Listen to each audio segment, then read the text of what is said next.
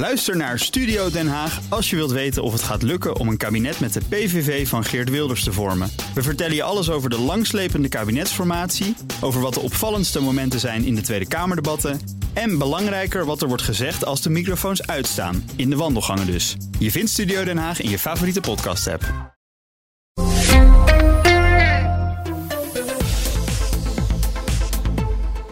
Dag een blik op de wereld. En die komt van onze Europa-verslaggever Geert-Jan Haan. Geert-Jan, goedemiddag. Goedemiddag, Thomas. En we hebben je al op deze zender gehoord over de internationale reacties op de uitslag van gisteravond. Zijn daar nog noemenswaardige reacties bijgekomen? Nou, ik uh, zat net een commentaar te lezen uh, van de ARD-correspondent in Brussel. Die krijgt dan dus ook de Nederlandse politiek op zijn bordje. Uh, met de kop: Die Nederlander had een einfach die nase vol. Oftewel, de Nederlanders zijn het gewoon beu. En dan doelt hij op de politici die er nu zitten. En we hebben het natuurlijk over dat uh, Geert Wilders dus uh, de glansrijk de verkiezingen heeft uh, gewonnen met de PVV. En deze correspondent geeft ook aan dat het een, een waarschuwing voor Duitsland moet zijn. Waar het ook niet al te lekker gaat met de regering. Waar ze ook zien dat de AFD door de Christendemocraten salonveger is gemaakt. Dat heeft heel veel heibel daar opgeleverd. Maar uh, ja, stel dat het Duitse kabinet daar ook valt en ze nieuwe verkiezingen krijgen, dan gaan ze heel erg kijken naar Nederland van hoe ga je dan om met een rechterflank die inspeelt op wat de mensen eigenlijk willen. Um, doe je dan de deur open? Of geef je duidelijk aan wat jullie willen? Dat kan niet. En dat is dan ook zo het bruggetje dat ik naar Edin ga maken om even naar het sociaal-economische te kijken. De brug is geslagen. Wil je het daar nu al over hebben? Graag. Ja? Oké. Okay. Nou, ik was de afgelopen maanden ook veel in Polen. Ik ben dit jaar ook in Slowakije geweest. Er waren ook verkiezingen namelijk. En dan kijk je toch naar de haalbaarheid van de plannen. En in Polen heb je een PiS-regering uh, die acht jaar lang daar als antidemocratische partij de grootste is geworden. Ook bij de afgelopen verkiezingen. Uh, het enige um, uh, wat, wat, wat ze wel op zich goed hebben gedaan, is dat ze de sociaal-economische agenda um, veel meer hebben geagendeerd dan de christendemocratische liberalen daarvoor hadden gedaan. Dus Donald Tusk was dat, die komt nu weer terug waarschijnlijk. En die kan dus ook niet anders, nu die weer terugkomt, dan bijvoorbeeld, ik noem maar bijvoorbeeld de salarissen van de leraren met 30% verhogen. Dus instappen op dat sociaal-economische, uh, op die oproep die eigenlijk is gedaan vanuit de samenleving. Maar Tusk heeft overigens ook nog wat Europese miljarden in zijn rugzak zitten, toch? Nou ja, en, en dat Om is dus waar ik even met Ede naartoe wil. Want die hele sociaal-economische keten. Kijk, je kan dus, zoals Wilders, die vrij vage plannen heeft. Je kan wel zeggen, ik wil uh, dat de zorgpremie naar nul gaat. Uh, ik wil heel veel salarissen verhogen en het liefst ook nog allerlei belastingen verlagen.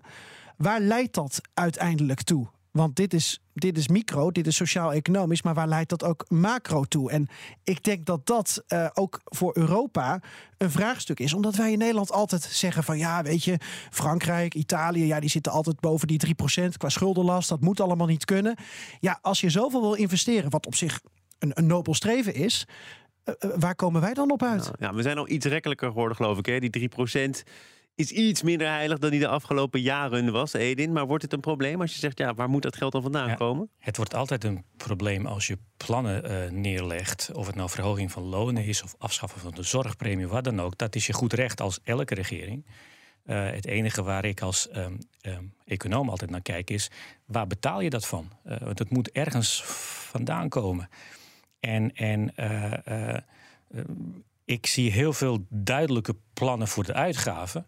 Maar ik zie weinig tot geen uh, concrete uh, woorden over waar het geld daar voor al die dure plannen vandaan moet komen. En dat is, dat is in het oosten van Europa niet anders dan in het westen van Europa, denk ik. Is dat een verwijt dat je maakt uh, aan de PVV? Of zeg je, nou, ik heb die verkiezingsprogramma's van andere partijen ook gezien.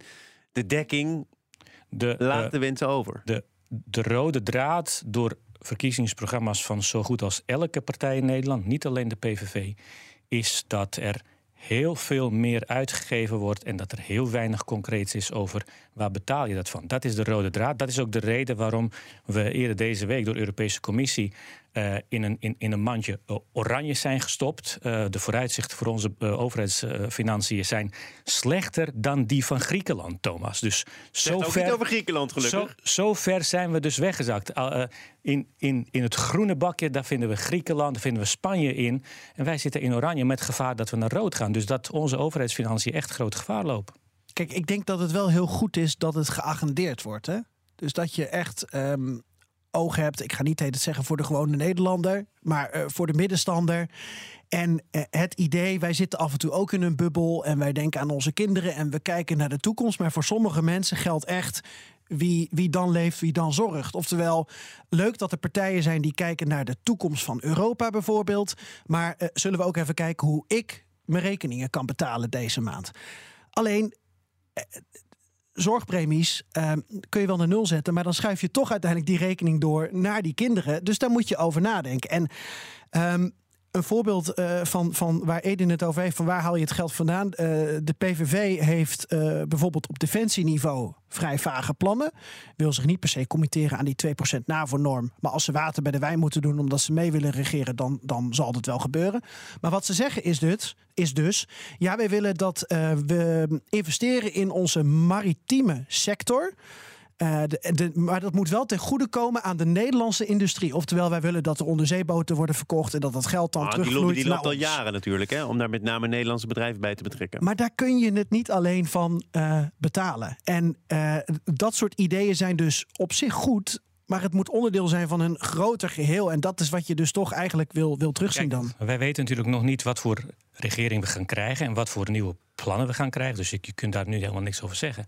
Maar er zijn wel een aantal, aantal zaken die we uit het verleden weten. En een van die dingen is um, een land dat ervoor kiest om arbeidsmigratie aan banden te leggen, snijdt uiteindelijk zichzelf in de vingers in een wereld waar vergrijzing geen rol speelt.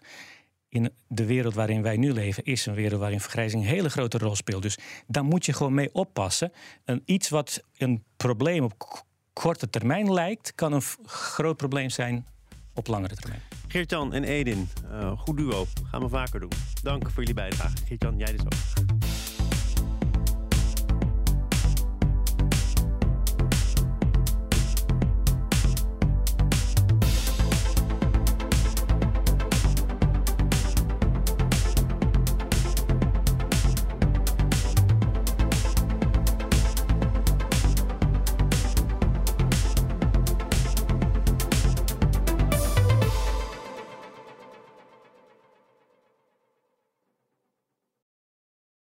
Ook Harm Edens vind je in de BNR-app. Je kunt BNR Duurzaam niet alleen live luisteren in de app, maar ook terugluisteren als podcast, zoals al onze podcasts. En naast dat de BNR-app Breaking News meldt, houden we je ook op de hoogte van het laatste zakelijke nieuws. Download nu de gratis BNR-app en blijf scherp.